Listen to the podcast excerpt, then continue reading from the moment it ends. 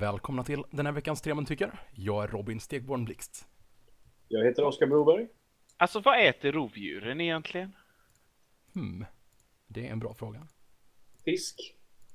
Ja, Okej. eller de kan väl äta annat också. Alltså vissa rovdjur kan, men vissa rovdjur det är som bara biologiskt, deras magar hanterar ju inte det. Så är det ju. I alla fall. Det är ju därför kor har ju jättemånga magar så att de kan äta gräs. Mm, Men vi kan ju vara vegetarianer, vi har ju bara en mage. Ja, men vi kan ju inte bara äta gräs. Men, Nej, så är det ju. Men vi, men vi, är ju, äter, vi är eh, ju också i mitten på den skalan. Ett lejon är ju inte det. Nej, det, Eller en örn. det är sant. Ja, jag tror att eh, de eh, festar på Samuels intressanta frågor och dåliga humor. Och eh, filmhändelser i veckan. Ganska lite. Om inte ni har något att tillägga. Det enda jag såg var att eh, Spider-Man Homecoming-filmen ska ha en stort sett ny regissör som knappt gjort något stort alls. Mhm. Det är lite intressant i alla fall. För det, det känns som Jag tror att vissa är negativa men jag är rätt positiv. Det är liksom att han kan göra någonting ganska Men jag tror, ganska annorlunda och det är mycket möjligt att det kan vara lättare att göra den här mer småskala filmen. Att de inte drar upp plotten för mycket utan det kan handla bara lite om hans liksom liv i skolan och personliga problem.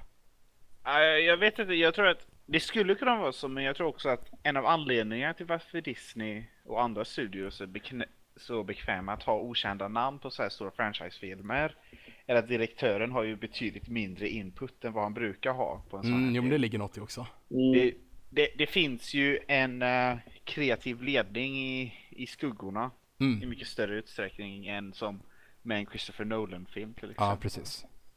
Ehm, Ja. Nej, jag det- tror fortfarande en, ett plus. ja, eh, whatever. Inte så mycket mer där. Mm. Eh, så vi tar veckans film direkt. Nej, nej, nej, Nej, nej, vi har det är vårt Samuel, eh, du var dåligt. häftiga segment här. Mm. Ja, för att Får vi se om vi klarar oss repetera, bättre än förra veckan. ja, för att repetera så har Oskar tre poäng, Mm. Samuel har en poäng och Robin har noll poäng. Yes. Men för att ni var så dåliga förra gången så har jag sänkt svårighetsgraden dramatiskt. Så det första citatet, så jag, oj, för vår publik, så gäller det att citatet är, jag har dubbat ett filmcitat till svenska på ett dåligt sätt. Eh, Det är samma andemening men väldigt annorlunda ord. Mm. Och så ska mina två medpoddare gissa vilken film det är först. Ja. Det första citatet är När ska vi äta frukost för andra gången? What about second breakfast? Sagan om Ah! ringen. Ja, Oskar har det. Fellowship of the Ring. Ja, är det Pippin som säger det? Ja, jag tror det. Det jag minns Det- inte vem av dem det men Pippin är ju den stolligare och det är ju han som säger det. För då kastar ju Aragorn ett äpple tillbaks till honom. Och ehm, då de säger ser förvirrade Mary, ut. Mary att I don't think he's heard about it. Det är en väldigt eh, bra scen, jag gillar den. Det är en fantastisk bit dialog. Mm. Eh, andra scenen är, eller andra citatet är, Mm. behövde du verkligen ta livet av så mycket folk för blott lite pengar? Mm. Vad är det här? Det Nej, är jag vet från inte. ett- Det är från en film vi alla sett. Det har citerats i en tv-serie. Det har citerats i en tv-serie. Oh, Fargo! Mm. Yes! Ja. Är det här min första eh, rätta Ja, gissning? Ja. Jajamän. På Fargo också. Nu måste du vara lite, lite Åh. stolt Samuel. Ja, det, det är jag. Du har inte glömt bort Fargo, det är ju bedrift. Ja. Och den sista är Jag hade glömt. Det känns som det kan vara en miljon olika filmer. Mm. Det är faktiskt direkt, en direktöversättning. Och vilken är det? Uh, jag kommer ju bara så här, åh, att jag inte kopplade det när du säger vilket rätt svar är. Uh, Jag tror till och med Okej. att det sägs va? flera gånger i filmen. Hmm. Jag måste gissa i alla fall. Uh, jag gissar på Tree of Life. Eh, Jag gissar faktiskt på Brooklyn. Och hur fel har vi? Samuel? Jag tror domaren rök. Som, eh, vad är du? Vilken är det? Är ni... Nu, Nu hör jag? nu är han tillbaka. Ja, nu hör vi dig. Hörde du bara gissningar? Nej, Nej, okej. det gjorde jag inte. Jag försvann. Då kan vi kanske ta helt nya gissningar. Ja, mycket bättre. Precis. Uh, Jag, jag gissar på Brooklyn.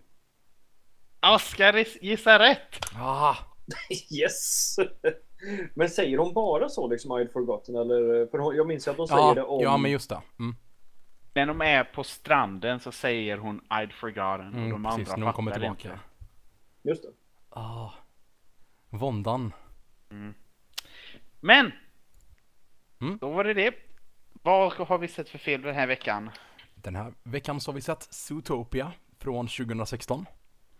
Den är regisserad av Byron Howard, Rich Moore och Jared Bush. Som också tillsammans har skrivit filmen. Uh, Har de gjort annat? Uh, vi ska se. Jag är rätt säker på att de har gjort uh, Tangled har de gjort, Bolt, Lilo and Stitch. Eh, inte säker på att det är exakt den här trion, men Byron Nej. Howard har varit inblandad i alla fall. Eh, Jag de gillar verkar även ha varit inblandade i Wreck-It Ralph. Jag gillar Tangled men jag har inte sett de andra. Uh, nej. Ska vi se vad Jared Bush, Bush har skrivit också. Eh, han verkar ha varit inblandad i Big Hero 6 också. Ja, vi behöver inte gå in jättenoga på allt de har gjort, men Nej. de har lite blandade animerade filmer bakom sig. Sen är det ju jättemånga som har skrivit den. Ja, precis. Det brukar vara på de här eh, animerade nu för tiden. Liksom att det är en stor collaborate Ja. effort liksom. Just det. Och eh, i huvudrollerna så har vi Jennifer Goodwin, Ginnifer, Jennifer, något sånt, Jennifer antar jag. Som är huvudrollen Judy Hopps. Vi har Jason Bateman som är rösten till Nick Wilde. Och vi har Idris Jaha. Elba som är Chief Bogo. Idris. Hmm? Idris Elba. Är det så? Hmm. Alltid hört Idris. Alright, Idris Elba. Eh, Det är karaktären Ja, han spelar i Thor the Dark World. Jag bara listar lite namn här för vi har Jenny Slate, Nate Torrance, Bonnie Hunt, Don Lake, Shakira är det J.K. också? Simmons och Shakira, precis. Vem är J.K. Simmons?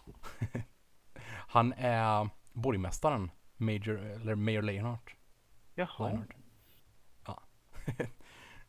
Alright, så där har vi de som ligger bakom och filmen handlar om en värld där djuren har liksom sagt upp den här eh, att vara styrd av sina instinkter.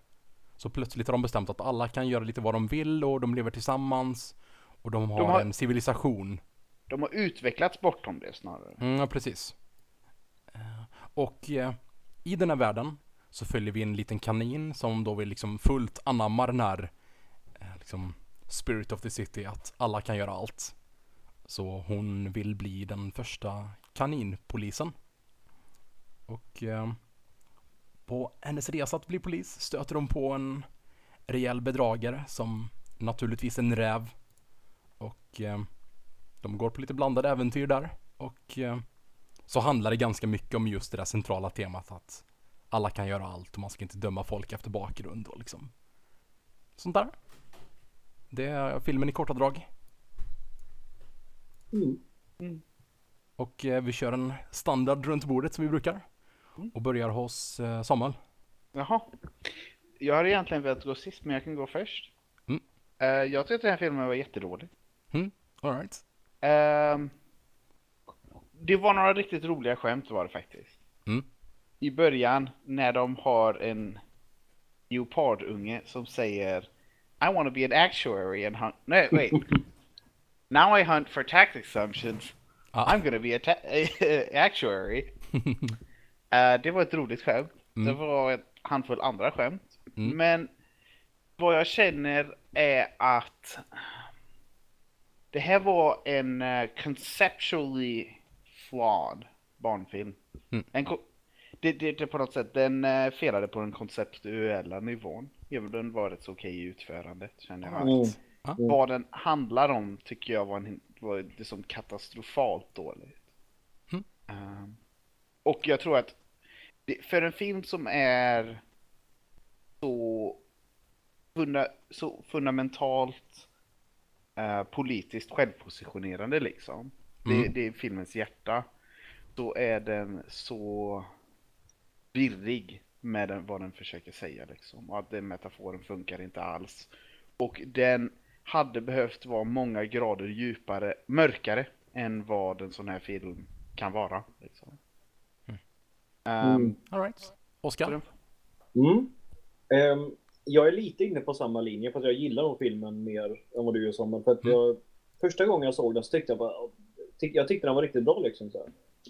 Eh, sen så har jag tittat på den nästan en gång till i alla fall och, och smält den lite grann och så här och inser mer och mer att eller inser men att metaforen som den liksom hänger på, som hela filmen hänger på, eh, faller eh, på flera sätt. Eh, så. Eh, vilket gör att budskapet blir eh, märkligt när man tänker, när man börjar liksom gräva lite grann i Mm. vad filmen faktiskt säger och sådär. Men sen tycker jag att filmen är väldigt rolig. Mm. Eh, och barn tycker om den jättemycket för att den är liksom Ja, det är, den är väldigt kreativ och på ett sätt som jag tror att barn, både barn och vuxna kan uppskatta. Liksom. Mm. Mm. Alright. Mm.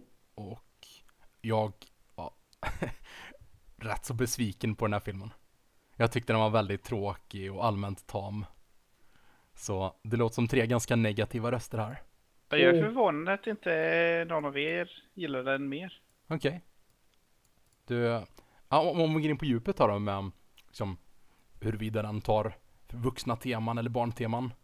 Så har jag, jag, jag har ju ändå en sån här track record av att inte gilla barnfilmer. Okej. Mm. Och eh, det är liksom, jag, jag hade ju ganska, näst, ganska, näst, ganska nyss sett Big Hero 6.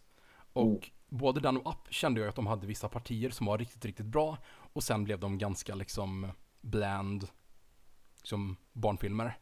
Med inte så mycket mer att erbjuda utan bara mycket fysisk humor och sånt där som liksom saknade djupet som en annan del har. Zootopia kändes ungefär som det utan att ha den där lilla liksom, biten med ett högre djup. Så, eh. Men jag tror, eh, för mig, före vi går in, jag känner att det, det är inte riktigt, jag är inte jättesugen på att försöka liksom bena ut filmens politiska position jättemycket. För det känns, känns lite tråkigt att göra som en barnfilm. Men jag tänker mer det som i stilistiska termer så tar ju filmen väldigt mycket från noir. Um, vilket till Hmm. sitt namn Ja, Är ju- ah, okej, ja. Alltså strukturen är ju, det är ju oerhört explicit i sin imitation av filmer som Chinatown och sånt. Mm, Fast alltså den har, istället- den har ju lite narrativet, men den har inte det estetiska, tycker jag. Det, det har det estetiska tycker jag, att den, den åberopar det liksom. Ehm, och det jag tycker, det, är filmens... Det, det, det är som det, det, det jag känner, det är verkligen... fi- Filmen har inte funkat till mig upp till den här punkten, det är, men det som verkligen bringar tillsammans, det som inte funkar, är scenen i museet, i gropen där. Mm, När eh, skurken som visar sig vara bakom det hela använder ett, vad skurken tror är ett gift på räven. Så att räven ska bli eh, vild och djurisk igen och bita sin kaninkompis. Eller Mm. döda sin kaninkompis. Men det så, och de har den här scenen och det är egentligen en oerhört mörk scen. Men sen är de bara så, nej vi skojar. Mm. och det, och det, det, är liksom, det är ju det man behöver göra i en barnfilm liksom. ja. Men i så fall så, det som gör inte det setupet då, för det är så otillfredsställande liksom. Ja, men det känns som den, det, det finns en nästan uttalad ambition av att den vill vara en inside out eller en eh, Wall-E. Liksom att den vill ha en djupare ton samtidigt som det är en barnfilm. Och, eh, ja. Det, det skär sig lite mot att den inte lägger, eh, liksom kommer upp över den ribban för jag tror, den, den är en bra barnfilm, liksom att den har en sån här ganska bra budskap av att man ska inte döma folk efter hur, hur de ser Jag- ut, vad de är liksom på det sättet. jag tycker att det har ett bedrövligt budskap, men vi kan komma till det senare. Ja, okej. Mm, Nej, men vi kan ta det mm. nu. Om det inte är något annat. Ja, alltså det jag känner är ju... det, det, den här filmens position är att om vi är bara lite snällare mot varandra så är det en bättre värld. Samtidigt så, det på något sätt, den står med halva foten medveten om att världen inte är så komplicerad liksom. Mm. Eller att världen är mer komplicerad än så. Och halva foten. Men det känns så glib, så att säga. För jag tror att det är som en film som Inside Out. Mm. Den brottas, alltså det, det, det, det, den har ju ett genuint mörker på ett annat sätt och den brottas ju verkligen. med något som är väldigt riktigt. Mm. Medan det här känns som den mest ytliga behandlingen av mångkulturalism. Mm. Liksom. Att alla är lika bra, alla är lika snälla och vi ska bara vara överens med varandra liksom. Mm. Ja, det känns Och- verkligen som bara den där ytliga. Och jag, och jag tycker ju att särskilt i nådens år 2016 att om det är allt man kan säga om mångkulturalism så ska man sitta ner och hålla käft liksom. För, ja, Mm. Om man, det är som man, om man inte är beredd att brotta med de problemen som finns där liksom. Vad gör man med folk som inte tycker om varandra? Vad gör man med folk som verkligen är rädda för varandra? Ja. Och jag tror att det, det, det här filmen, och det, det är som den här scenen där, ehm, där räven, det som tar och morrar på kaninen och hon gör en reflexmässig handling. Mm. Det som filmen behandlar det som ett stor moralisk brist på henne, men det var ju inte något hon ens, alltså det är ju en så, det är som att någon knäpper med fingrarna framför ögonen om man blinkar. Mm. Att behandla, det, ja, det havererar så totalt liksom. Men, för- och där tycker jag också att ett annat problem med, eh, med själva med, med grunden i filmen är ju att eh, de här predators då, eh, rovdjuren i filmen, de, de är ju i minoritet Mm. Eh, i filmen och de har liksom kommit från eh, barbariska rötter liksom. De, Ja. Innan så var de barbarer liksom. Mm. Eh, och det är de som är minoriteten i filmen. Vilket kan jag tycka blir en... Eh, eh, det blir lite märkligt. Ja, verkligen. Det är lite att flippa hela den här, här vi- vilka det faktiskt är som varit den Mm. dominerande. Ja, men och liksom, vad Liksom menar farliga och man? hotfulla. Ja, men och vad menar man med det? Ja. Liksom att är det minoriteterna i dagens samhälle som också då kommer från det barbariska och kommer till vårt fina civiliserade samhälle och liksom, är det, är det den poängen man vill göra med filmen? Ja, eller? Eller är det något annat man vill säga? Så att, alltså jag tycker att budskapet är, för jag tror inte det är det man vill säga med filmen. Och så finns det ju också där att instinkterna är ju liksom att de- de här minoriteterna är de djuriska, liksom de farliga. Mm. Men sen liksom att man, oh man, bara vi civiliserar oss så kan vi liksom stå emot de instinkterna, men ja. Jag skulle inte säga, alltså det är inte så jag läser filmen, utan jag tror att det är som för både rovdjuren och för, eh, vad heter jag, icke-rovdjuren. Eh, så finns det ju det som en ambition att komma bortom det djuriska liksom. Mm. Men jag tror det, det finns ju för eh, de vilda rovdjuren, det finns ju något annat hotfullt i det än de vilda gräsätarna liksom. Mm, vad är din poäng? Nej, jag vet inte. Jag, jag, äh, strunt i det. Nej, men, nej, men det är det jag tänker att det, det, känns, inte- det känns inte helt genomtänkt. Eh, och, och därför tänker jag att, eller det, det här känns också som en film som är skriven av många personer. Eh, och det känns inte helt sammanhängande. Det, det, det är inte en tight film.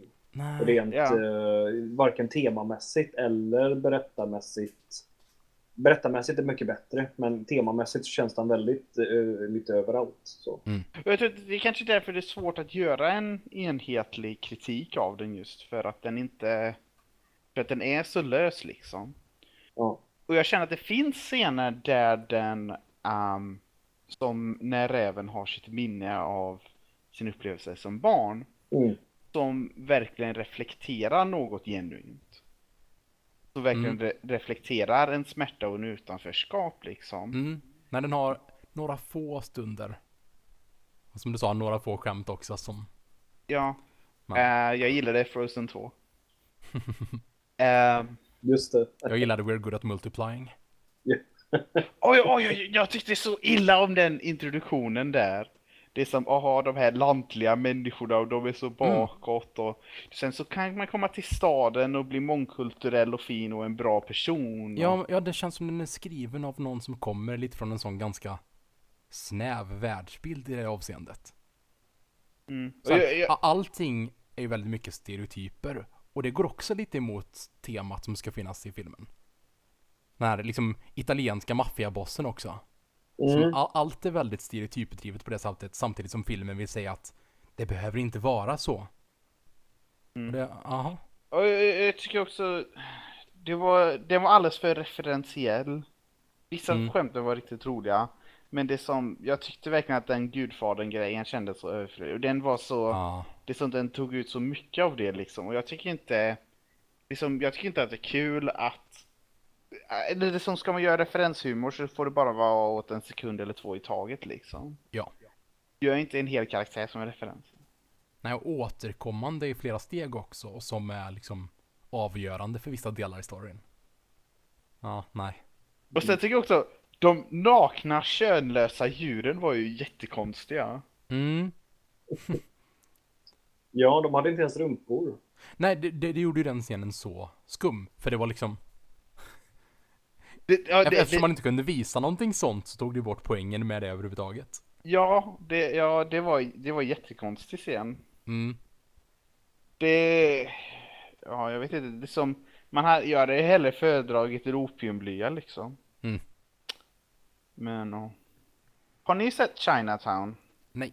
Jag har faktiskt inte gjort det. Det är ju en bra film fast den är gjort av en uh, våldtäktsman. Men ehm, jag tror att den- här filmen är ju rätt så, den är rätt så tydligt ehm, avspeglad på den. Eller avspeglad. Det, den här följer Chinatown rätt så väl. Mm. Och jag tror att det- är väldigt mycket detektiven som börjar med ett brott som inte ser ut så illa och sen det som Mm. hittar något det som långt mer ruttet i samhällets hjärta. Ja, Och det är en väldigt vanlig trope. Och så slutar det liksom på en oerhört mörk punkt. Mm. Ehm, av nihilism och well, whatever. Den punkten som vi kan landa i är väl att det är, den saknar verkligen koherens. Mm. gör Någonting det. som kommer samman till att säga någonting. Det är liksom så här. Den går i lite spridda riktningar och i slutändan så gör det bara att det bara blir platt. Var snälla och acceptera varandra. Jag, är jag så här, tror det, att det, det är väl ett bra budskap men det är inte särskilt liksom, det, det, det kommer inte från en berättelse här som ger den tyngd. Nej. jag tror att no, en person som är mer enamored med ehm, vad ska man säga, mångkulturell pl- pluralism än vad jag är, tror att det som den resonansen bär ju filmen en liten bit i alla fall. Fast det, jag tror att det är mycket potentiellt tvärtom också. Att det är mer att man känner att det är bara klumpigt i den frågan. Att det är någonting som man måste behandla mer delikat för Aj, att kunna Jag, göra jag, jag, har hört folk, jag har hört kritiker prata väldigt uppskatta om det om filmen för just den, det skälet liksom. Okej. Ehm, men, well, whatever. Det jag tycker funkar bäst egentligen i filmen är, det är ju det är själva världen liksom, där det finns många småskämt. Eh, Mm. Som jag tycker funkar väldigt bra, typ eh, så här när de är en kaffekedja som har mm, att de måste ha en kassa högt upp för att där kommer girafferna att ta sin kaffe liksom och så måste de ha en mellan och en lågt ner och så hur typ hur djuren färdas, att flodhästarna kommer insimmandes till stan liksom och så har de någon någon Ja. tork som blåser av dem liksom och så kommer de in till jobbet och alltså sådana Mm. Jag, jag, jag gillade verkligen Lemming Brothers. ja Ehm, och sen, och jag tror, men jag tror också världsbygget var, skärm, var riktigt charmigt ibland. Och jag tror vissa saker som till exempel så här, giraffkaffe kaffesaken. Mm. Det, kän, det känns mer än världsbygge så känns det som en grej som gjordes bara för skämtet liksom. Jo, det, så är det ju. För det finns ju bara ett djur som är så högt liksom. Men ehm, ja, Mm. den här världen funkar ändå. Ja, vi, vi känner oss ganska ganska jämna i våran eh, slutsats för en gångs skull tror jag. Ja, Mm. Så jag tror, ja, jag tror att jag skulle behöva sprätta emot en hel del. Ah, nej, nej, nej. Men då får vi ägna desto mer tid Jag tror att det finns åt potential. att sätta betyg! Menar jag. Yes. Den får ett eh, bad av mig. Den Den får bad inte- från mig med. Den är, det är inte så pass att den drar iväg mot det där som man liksom avskyr eller föraktar på det sättet. Eh, Och den har ja, vissa liksom eh, hantverksmässiga eh, man, man ser att det är en kvalitetsstudio bakom mycket av det, även om skriptet är dåligt. Ja, jag, jag tror att jag känner mig mer irriterad på den än vad ni gjorde. Mm. Men det är som, det, det, ja, det fanns ändå en del att gilla där. Ja. Det är säkert kul om man är 10. Ja, precis. Det är också en Mm. som gör att man inte drar ner en enda så långt för det. Bra för barn liksom. Kör. Mm. Jag ger den decent, för jag tyckte ändå den var ganska rolig. Mm. Så. Framförallt det sista skämtet. När eh, det visar sig att sengångaren är en, en, eh, en racerförare. Ah, jag, vet inte, jag, gillade inte sengångaren alls. Va? Det tyckte Och jag, jag- det, det Ja, jag tyckte de var sköna. jag. Jag, jag älskar sengångare IRL, men eh, den sort, den hu, det skämtet funkar inte. Det funkar inte så bra i Sverige egentligen, för det är så här typiskt amerikanskt att DMV Ja. är så långsamt och hej och hå liksom. Men jag, jag tyckte det var kul ändå. Ja, eh, Jag tänkte att det man var till, Försäkringskassan istället eller någonting. Jag vet inte. Våra statliga institutioner brukar inte vara så sega. Välfungerande. Det är, man behöver inte köa länge om man går till polisen och ska hämta pass, tänker jag. I alla fall i Borås. Kom till Borås, bo här. Ja, det var det Oskar sa. Rekommenderar jag alla våra lyssnare. Mm. Ja, i alla fall. Bad, bad, decent. Och Mm. eh, då kör vi topp tre för veckan. Samuel. Ja, och det har jag valt. Och då valde jag tre bästa fightscener. Jag minns inte ens actionscener, men det är fightscener jag menar. Ja, ah, du sa faktiskt Och jag körde en... Ja, jag, och jag körde en hel del begränsningar här. Min första begränsning var att jag vill ha scener som är, och det här har lite att göra med det vi pratade om förra veckan, när vi pratade om eh, Civil War. Mm. Jag vill ha scener som funkar i isolation liksom. Okej. Om man bara ser den här scenen. Nu, nu tycker jag att, och jag tror att det som det som hade varit min toppfight-scen någonsin, blev uttagen just av den anledningen. Ah. Och jag tycker att det som det, en fight-scen behöver ju inte vara bra på det sättet för att vara trolig liksom. Mm. Men jag ville som sätta den begränsningen på mig själv. Och jag All ville right. också ha scener som jag tyckte hade en bra handling. Utan det, det skulle inte vara, det, som, det skulle inte bara hänga på det som en koreografisk elegans, utan det skulle finnas ett exceptionellt, det som en sätt att uttrycka berättelse i våld. Liksom. Hmm. Eh, så det är de två begränsningar jag har kört med. Sen så har jag också valt bort Saving Private Ryan för att det som jag hade pratat om där hoppas jag att vi kommer prata om inom några veckor. Mm. Och du vill inte ta det i förhand. Right. Så min tredje bästa fightscen är det egentligen en lång vi, vi kan ju scen. ta hur jag och Oskar har tagit våra listor först också. Bara hur man har gått tillväga. Ja, det kan ni göra. Ja, för, för jag har kört ganska likt din, men jag har lagt en ganska stor emfas på just det koreografiska liksom, själva fightandet. Mm. Och eh, även om jag så här har tagit med aspekter av berättandet också så är det väldigt sekundärt. Det handlar väldigt mycket om liksom, att det ser snyggt ut så att det liksom har en energi och allt sånt där. Mm, Så, nej, men det har jag också gjort. Det det är väl framförallt min första plats som har eh, mycket av det här med berättandet i, eh, Mm. i fight-scenen. Men ja, min tvåa också bitvis. Men i alla fall, man kör hårt Samuel. Ja, det ska jag. Så min tredje plats är, vad ska man säga, det är egentligen mer av en sekvens. Men det är en sån serie av fantastiska fighter. Och de har alla samman så väl. Och det är Showdown at the House of Blue Leaves. Och det är Är det... slu slutfighten i Kill Bill. Ah, mm. Så det, den börjar i min räkning med att The Bride hugger armen av, vad heter hon nu? Ja, hu- hugger eh, armen av Lucy Lous eh, assistent. Och sen Ja. springer du alla ut därifrån. Och så Mm. börjar The Bride med att slakta några enkla hantlangare. Sen så kommer det hon och slåss mot uh, Gogo Yubari som är jättehäftig. Mm. Sen slåss hon mot dem alla och det är en otrolig dansscen. Crazy 88. Ja, det är en fantastisk dansscen liksom. Och du, det, det, det är på något sätt hur musiken gör det till en dansscen liksom. Mm. Jag såg faktiskt om just den här fightscenen till det här avsnittet.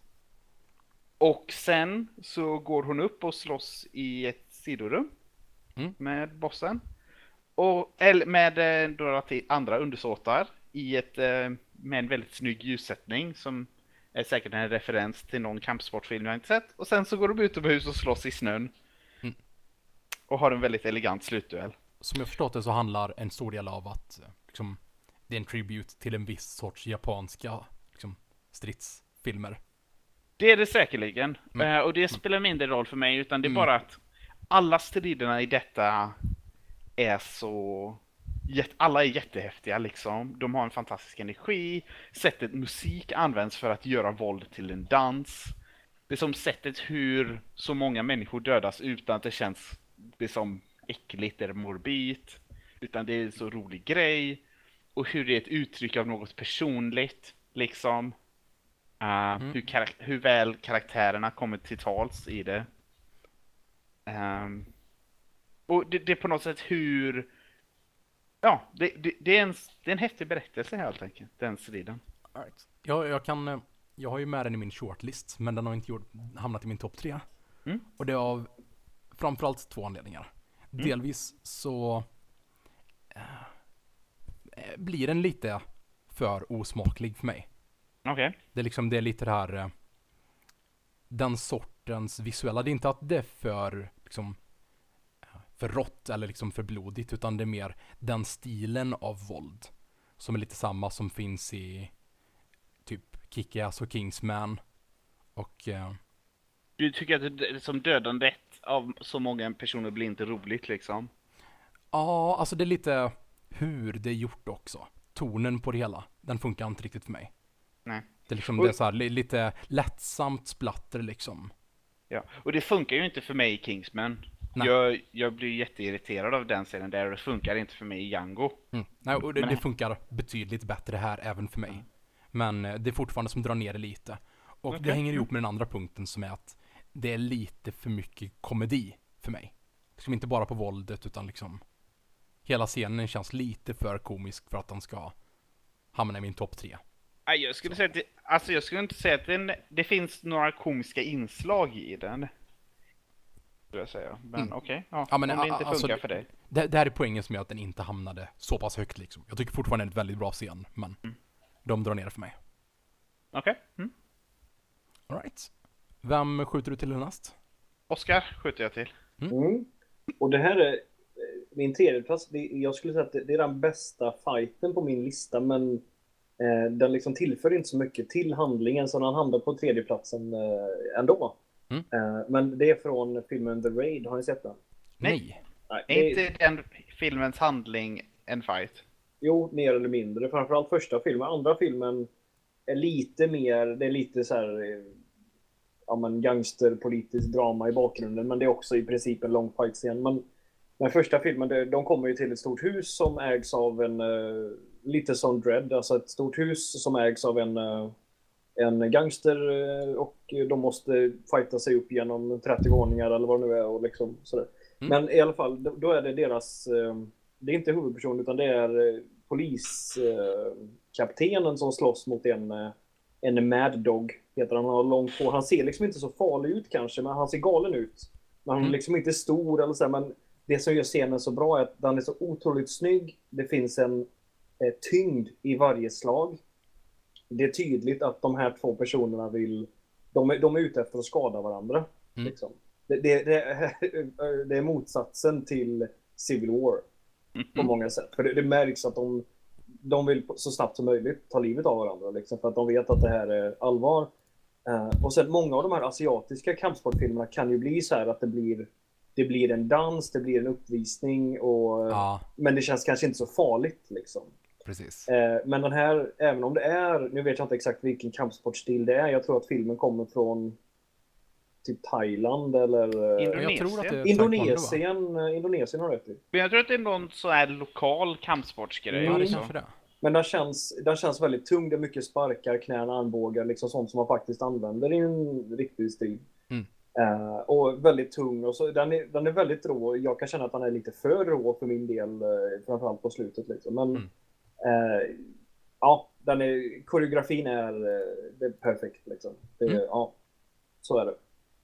Eh, Jag fattar ju att folk gillar den filmen, men jag tror att just för att det jag hör om att, den, den, att det är en film som bara är koreografi liksom. Mm. Gör att jag känner att den inte är för mig liksom. Nej, sen så fin, det finns ju ett visst drama liksom. Hans bror är ju inne, är ju liksom undercover hos den här gangstern och lite sådana saker. Men det är ju, allting är ju en brygga till nästa fight-scen, definitivt. All Ja. right. Och Robin då? Yes. Min tredje här är väl den som har mest berättande i sig. Och eh, den har också en kvalitet eh, som den sticker ut med lite som gör att den har hamnat så här högt. Och det är, The Battle of New York. nej, det är faktiskt eh, Max mot Imperator Furiosa. När han dyker upp där. Och det är liksom att ta, ta kontroll över den situationen helt enkelt. Eh, Mm. Och he- hela den energin och liksom mötet där. Eh, Det sätter liksom tonen för resten av filmen, deras dynamik genom. Och jag gillar bara hur han liksom slåss med sin desperation över att överleva liksom. Mm. Och ingen känns som de håller tillbaka någonting. Nej. Hon har samma desperation liksom för att hon kan inte släppa en enda centimeter. För Ja. hon är på liksom där uppdraget som det finns ingen återvändo för. Och det blir ju så häftigt för att det finns, det finns som inget agg mellan dem heller. Mm, nej precis. Utan, utan de måste bara det som vinna mot varandra för att överleva. Mm, nej precis, det är ju just det som får att det känns så bra. Och eh, också det att det är ovanligt med en sån fight-scen mellan en man och en kvinna. Vilket Mm. är uppfriskande också. Mm. Ja. Och det, ja, det, det, är en, det är en riktigt bra fight och jag älskar hur den slutar liksom när han får överläget med pistolen Mm. och skjuter tre skott Mm. i sanden och Ja, sen håller den mot huvudet. Det, det, det, är som det finns en ekonomi och en elegans i det liksom. Nej, den, den är skarp. Och min Den är, ja, det är den sannerligen. Det är många scen... Alltså, anledningen till att jag inte riktigt övervägde Fury Road Mm. var just för att det, det är inte en film med bra actionscener, det är, filmen är en actionscen liksom. Ja. Det är lite som The Raid att det finns, eller det har väl kanske lite mer från vad man fått höra men ja. Mm. Sen, den här hade nog hamnat högre i min lista om det handlade om berättandet mer. Utan, Mm.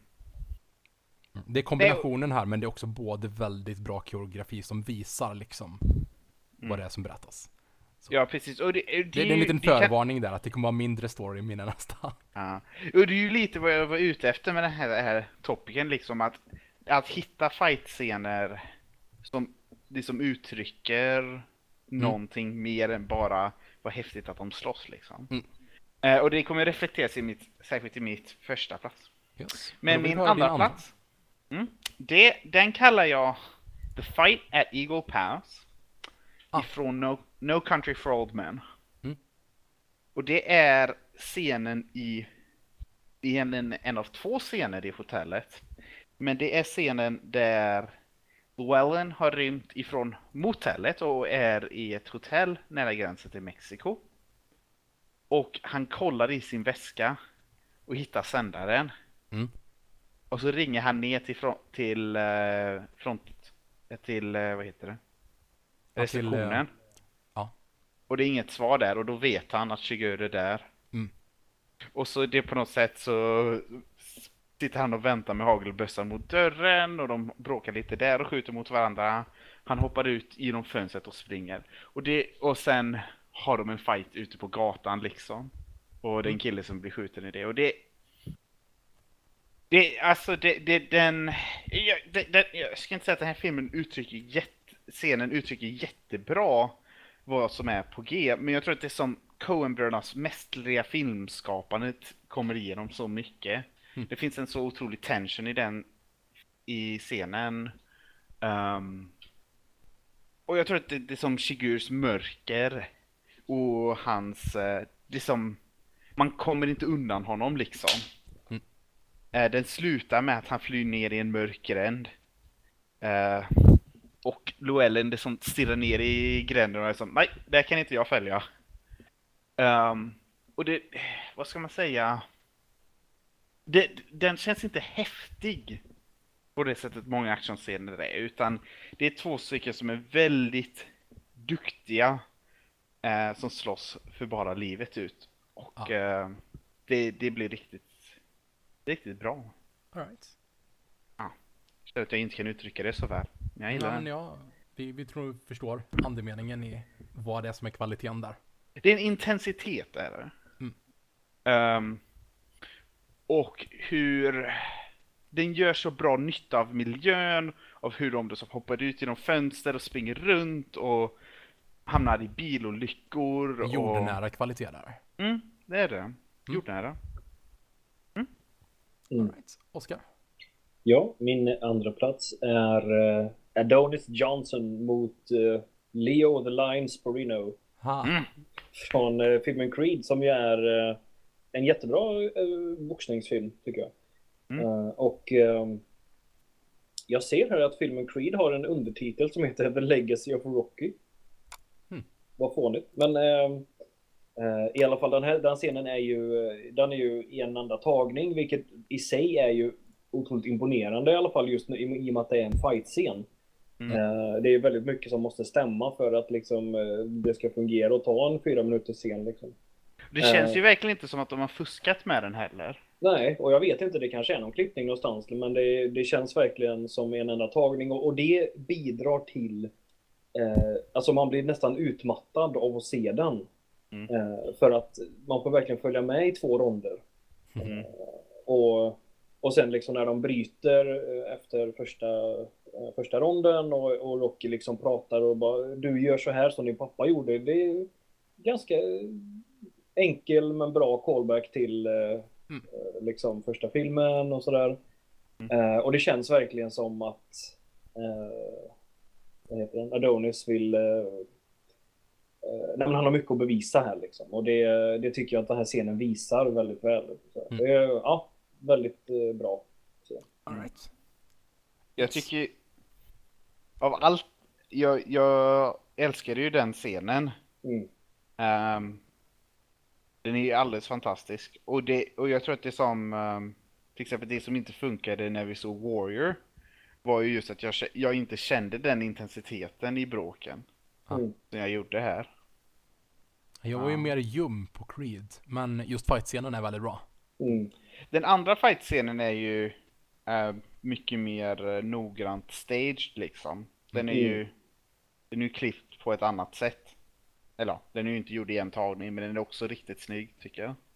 Mm, verkligen. Nej, men det, det är just det här. eh, Det, det som vägde över var nog att det var i en tagning här och att eh, man kommer in i fighten på ett annat sätt som publik.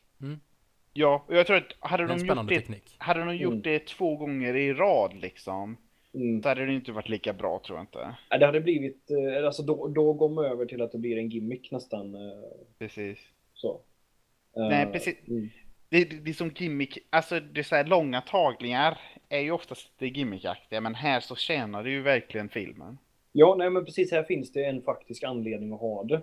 Mm. Eh, Så om man jämför med typ Birdman som ju är i vissa delar så är den här långa tagningen jätteeffektiv men för det mesta känns det ju mest som att haha, titta vad svårt det här var att göra. Okej. Mm. Creed på andra plats där. Min andra plats är en scen som handlar mycket om koreografi som jag pratat om förut. När vi pratade om, eh, vad var det snyggaste scener tror jag. Eh, för det är under bron-scenen från Captain America The Winter Soldier. Mm. Som, som, det stora där är att delvis så går det ifrån lite, för jag kan ju hålla med om att det ofta saknas en tyngd och liksom att man tror att det ska liksom, någon ska bli skadad i MCU. Och eh, jag gillar att de går mot att det blir mer vikt. Eh, men den här scenen var en av de första som faktiskt gick ifrån det. Och liksom det känns som det är någonting som står på spel där. De blir skadade och det är liksom den här Winter Soldier är ett faktiskt riktigt hot som eh, skurk. Mm. Det är inte de här tidigare skurkarna som varit i alla filmerna innan dess som bara Ja, det är liksom Det, det är verkligen någonting som eh, Alltså den här scenen sticker ut där och samtidigt så är den väldigt välgjord och den gör något så unikt med krafterna. liksom den får de här tre som är inblandade, Winter Soldier, Captain America och Black Widow, att göra sina egna grejer. Det känns inte bara som tre stycken med superstyrka och liksom supersnabbhet som slåss mot varandra, utan det finns en väldigt distinkt energi som liksom skiljer sig mellan hur de tre slåss. Mm. Och det liksom gör att den här sortens superhjältefight blir väldigt spännande. Mm. För det är inte bara två liksom, superstarka som pucklar på varandra, utan det är något tekniskt här. Mm. Eh, kombinerat också med bra bara liksom sätt att göra stridskoreografi. Att man ser mycket decentrerat. Det är inte Born-seriens eh, shaky cam som eh, Oscar vet jag är en stor hatare av. Sen, det finns delar som är lite för mycket shaky cam här. Men samtidigt så är det inte att man är för nära. Mm. Så, Mm. Nej, men jag, jag, det är nog... eh, Det kan vara min favoritfight-scen från MCU. Mm. Eh, Sen tycker jag att Nick Furys, eh, det är mer av en biljaktscen såklart, men Ja, alltså i, i samma film. Den, den är, den är bra med. ja, jag gillar den väldigt mycket, men eh, ja, helt klart. Jag, jag kan vara med på att det är en bättre actionscen än något annat i MCU. Mm. Sparsmakat med poäng där, men I'll take it. Precis. Nej, det, och jag tror att det är som när du visade upp den en kväll för länge sedan och det som pekar ut detaljerna där så att Mm. det är... Eh, du, alltså du, ja, du har rätt att det är, det är riktigt bra actionscener. Right. Min andra plats, Samuel. Mm. Min första plats är från en film som egentligen har fem scener. Som alla hade kunnat vara första platsen. Mm. Men jag har valt den jag tycker är bäst. Och det finns särskilt en som jag har valt bort. Som jag ska prata om senare tror jag. Men jag ska kanske se om någon av er har valt den först. Och det är Dojo-fighten ifrån The Matrix. Mm. Och det är då fighten mellan Neo och Morpheus. Yes. När Neo har precis fått sina krafter liksom. Eller första vågen av sina krafter. Och det börjar med det som grejen där han, har, där han det som vaknar upp och säger till Morpheus I know kung fu. Mm. Och så säger Morpheus show me och så är de där inne. Och så det som till en början så är Neo så energisk liksom. Över det här nya fysiska förmågan han aldrig haft liksom. Eh, men rätt så snabbt så det som visar Morpheus hur mycket av hans överman han är. Och de har en rätt så säga, intensiv fight med riktigt snygga stunts. Mm. Nästa, väldigt lite i den här scenen är eh, gjort genom klippning. Utan det är genom fantastiskt stuntarbete. Mm. Eh, och jag känner att de fångar verkligen det som gör asiatiska kampsportsgrejer så bra. Med det som våld som ett uttryck av något andligt. Ehm, och sen så har de grejen där Morpheus pratar om där han pratar om det som vad The Matrix är och hur om man friar sitt sinne så kan man sannoliken bevästa den världen. Och hur Neo det som gör det lite men gör det inte och att han det som får in ett slag på Morpheus till slut. Mm. Eh, Och det- och att det, det, det på något sätt, det blir en... Det, det, det blir så... Det, det, det är så mycket bättre. Tänk om det hade gjorts med ett träningsmontage istället. Ja, Det här är ju så mycket bättre liksom. precis. Och att det... det, det han, han- växer som eh, karaktär i den här scenen. precis. Är Och lär sig något om sig själv genom våldet. Ja, och Mm. de, men de har ju ett litet montage innan när man, man ser att de matar in olika typ fighting-stilar i honom. Liksom, där är ju montaget, men sen kommer ju det viktiga efter det. Liksom. Precis. Mm. Eh, och det är ju så snyggt. Ehm, Mm. Och anledningen jag inte tog, och jag vet inte, tog... Vi kan, jag kan, jag kan fråga, tog någon av er hisscenen som er första plats? Nej. I scenen i Matrix eller i... Mm. Nej, jag gjorde faktiskt jag, jag stod och jag, jag liksom funderade på vilken Matrix-scen ska jag ha, men jag landade, jag, jag, tog ingen från Matrix till slut eh, ändå, för att det var för svårt. Okej. Men Mm. då kan vi prata lite om hi- hisscenen också, för anledningen jag inte tog den, för den är ju egentligen den mest ikoniska scenen från The Matrix. Den vid entrén där alltså. Ja. Ja. Och den är ju så galet häftig. Mm. Men det jag känner är att den saknade just den här scenhandlingen. Det är liksom, de är där, de ser häftiga ut. Skurkarna kommer, nu slåss vi. Ja, men Ja. det var en anledning till att jag, jag liksom inte ens tänkte kring att ha den i min lista. Mm. För när det gäller att det bara är coola scener, då finns det betydligt högre platsare för min del. Ja, och jag tror att det är som...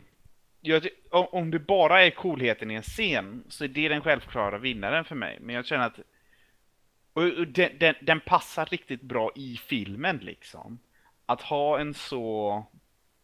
Det, det som... Vi, tidigare har filmen det som mest hintat åt de här krafterna liksom. Vi har sett lite. Men att det är som att filmen har en scen där de verkligen går fullt ut med de här coola superkrafterna. Mm. Och man hade ju aldrig sett något liknande då.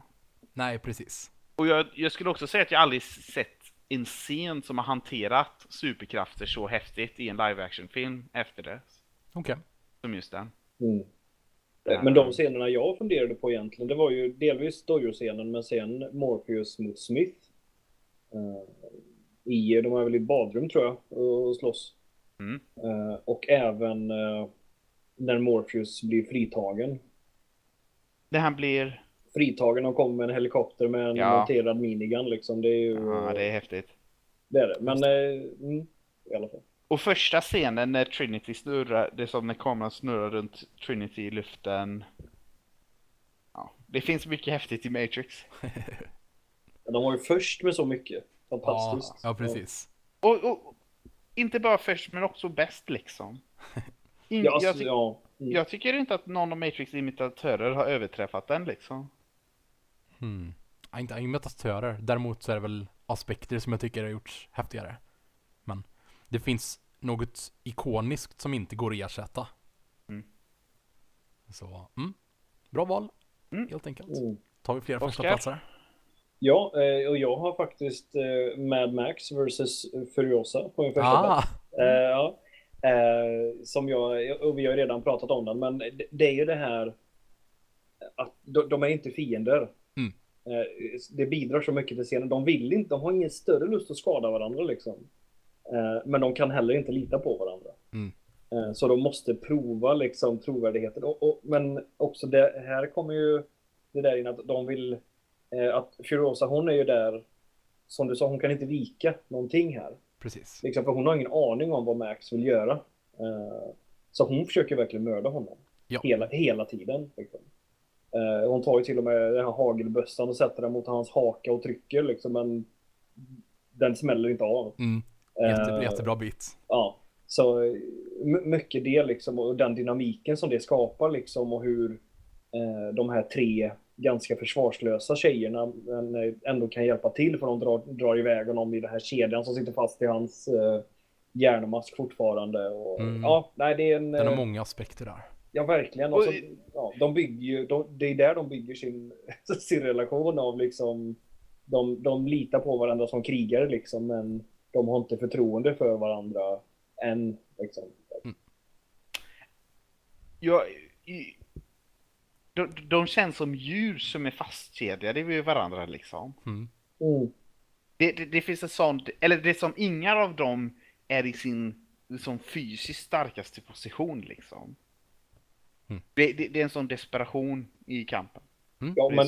Furiosa känns ju verkligen som, eh, nu när du säger det, men alltså som en, eh, en fågel som det kommer någon, något rovdjur nära bot liksom. Mm. Mm. Eh, och liksom anfaller med allt vad hon har så här. Nej, jag...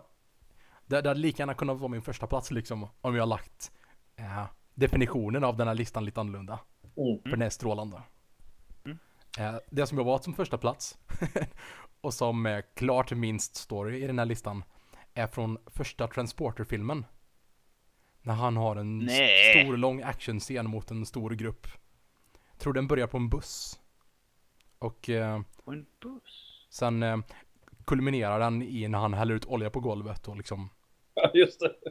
alla möjliga tokigheter liksom. Men han gör det så sjukt snyggt och den är väldigt Den har en sån ton och hur musiken är gjord i scenen också. Den är bara ja, liksom, man, man, man är bara så glad när man tittar på den. Så Alltså- den tar min första plats. Och jag, när jag såg eh, Transporter, såg den, tror jag förra året. För Mm, första, första gången. alltså. Ja. Mm. Så jag kände mig så galet besviken liksom. Den kändes så billig liksom. Okej. Det kändes som uh, Eurotrash. Den. Jag, jag gillade det inte alls faktiskt. Men hade du sett de senare filmerna först? Jag hade sett eh, Transporter 3 för länge sedan och sen Ja. glömt bort den. Mm. För det är så här. Jag vet inte om det spelar någon roll, men det är möjligt att det urvattnar lite om man liksom... Nej, men jag tror att det är bara att det, det, den typen av film inte funkar för mig. För det är också en film där handlingen är... Ja, är mer att handlingen är jättedålig liksom. Eh, handlingen i första är inte lika illa. Alltså tvåan och trean är ju en Ja, helt jag- annan klass av filmer. ja, alltså det, ha, handlingen var bara där för att föra en mellan actionscenerna känner jag. Jag, jag gillade det inte alls. Så. Mm. Alltså jag tycker att för att vara en sån handling så tycker jag den är bra. Mm. Det, det är Äh, liksom okej. det den är, det håller jag med om. Men Ja, jag, jag var så uttråkad så att jag ägnade inte actionscenerna så mycket uppmärksamhet. jag, jag kan länka till den här så kan ni se bara just den scenen. Ja, jag, jag minns den. All right. Mm. Nej men det är jättebra actionscen tycker jag, men det var jättelänge sedan jag såg den. Men, eh, eh, ja, men den är så här, man, man blir peppad av den. Mm. Men då- Det är min första. Mm. Men då undrar ni kanske varför jag inte valde vad som egentligen är min favoritactionscen. min första plats. Som skulle då vara Kill Bill eller? Nej, vilken film tror du? Jaha, Zero Dark då. Just det, ja. Mm. Och den valde jag inte just för att det är så mycket kulminationen av filmen. Och jag provade att se den i isolation och jag tycker är att det, det, den scenen har faktiskt lite problem med att jag tycker att det finns en del utrymmesförvirring. Ja. Det känns inte alltid tyd... Jag, jag skulle vilja ha en större tydlighet av positioner och så liksom. Ehm, Fast det, alltså det finns en viss aspekt av att det passar in. Ja, men jag tror att de pra- har ju, jag har hört dem prata en hel del om hur de försökte lösa det. Och de Okej. har det som, de har prickskytten som klättrar upp på ett tak på en grindstuga. Mm. För att han ska kunna se ut över och att de tänker att den det är som att man får en mycket bättre orientation av det. Men jag tycker man får inte det utan den känns det är som alldeles för förvirrande. Men det som den gör så bra och jag, jag, tycker att det är, jag tycker ändå att det är den bästa actionscenen någonsin. Mm. Och det, det som både hur den här kulminationen av den här långa, sakta kokande filmen liksom. Mm. Hur det brister ut. Jag tycker om hur och ena, hur otroligt kompetenta soldaterna verkar. Hur överväldigande starka de är men ändå återhållsamma liksom. De, går, de hoppar inte in och sprutar med kulsprutorna. Utan de går runt hörnet och skjuter två skott liksom. Mm. Ehm, och det finns... Det, det på något sätt, det finns något... Det som i den effektiviteten så finns det ett mörker liksom. Ehm, och, eller både ett mörker och en saklighet. Och den, eh, ja, den är alldeles extraordinär.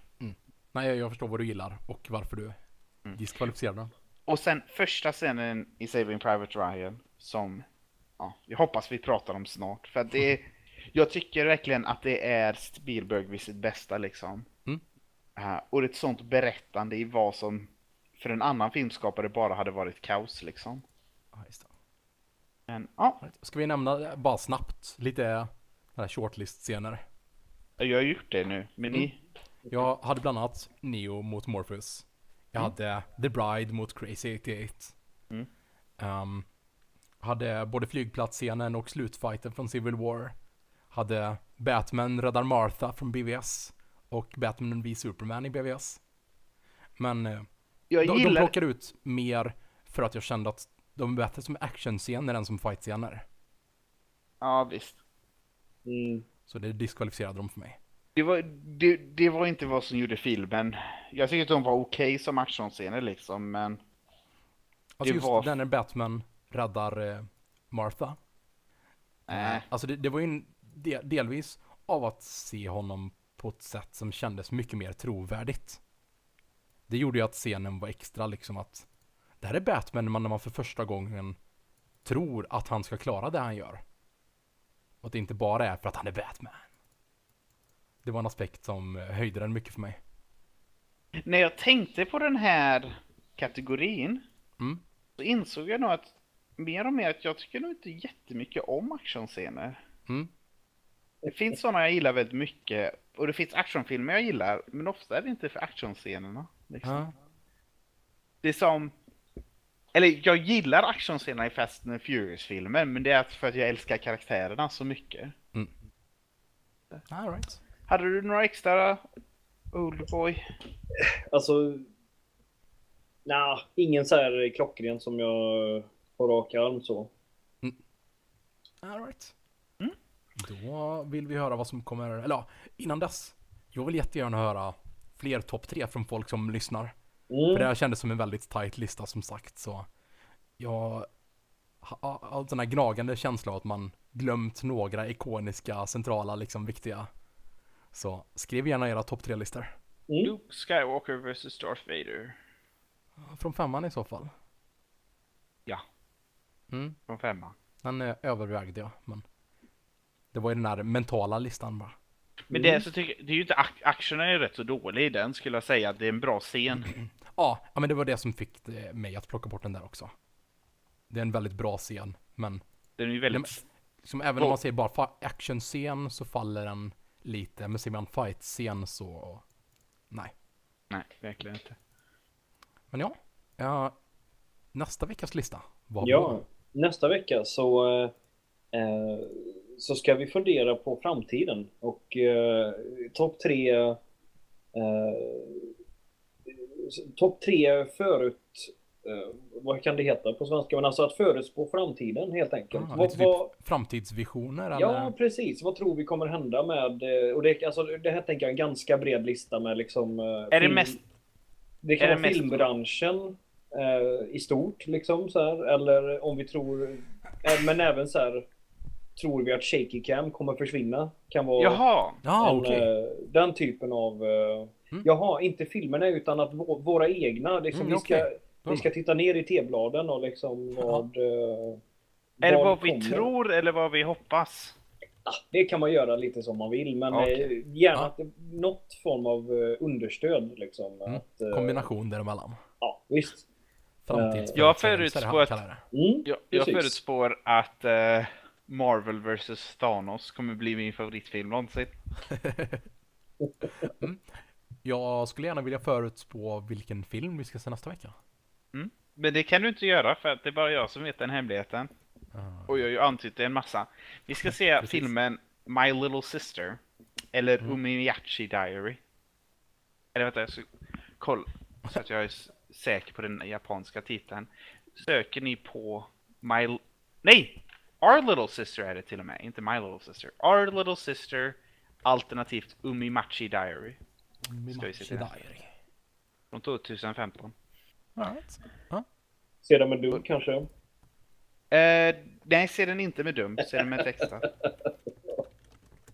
Um, Our Little Sister från 2015.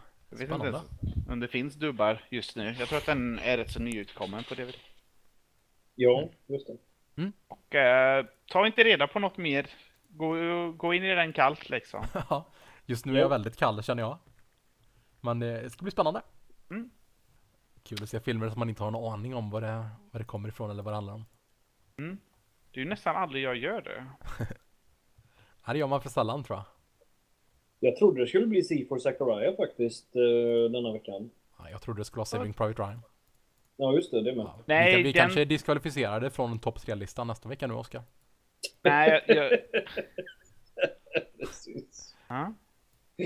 Alltså jag, jag tycker att eh, Robins ansvar är att välja Saving Private Ryan, för det är han som inte har sett den.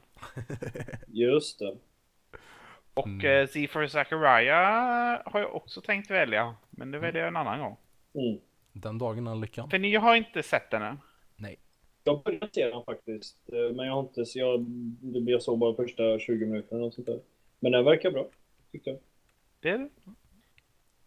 Alright, right. Mm. Så framtidsförutsägelser och Our Little Sister nästa vecka. Ja. Det blev eh, intressant. Our little future. Ha det bra tills dess. Ha det gott. Ja, hej hej.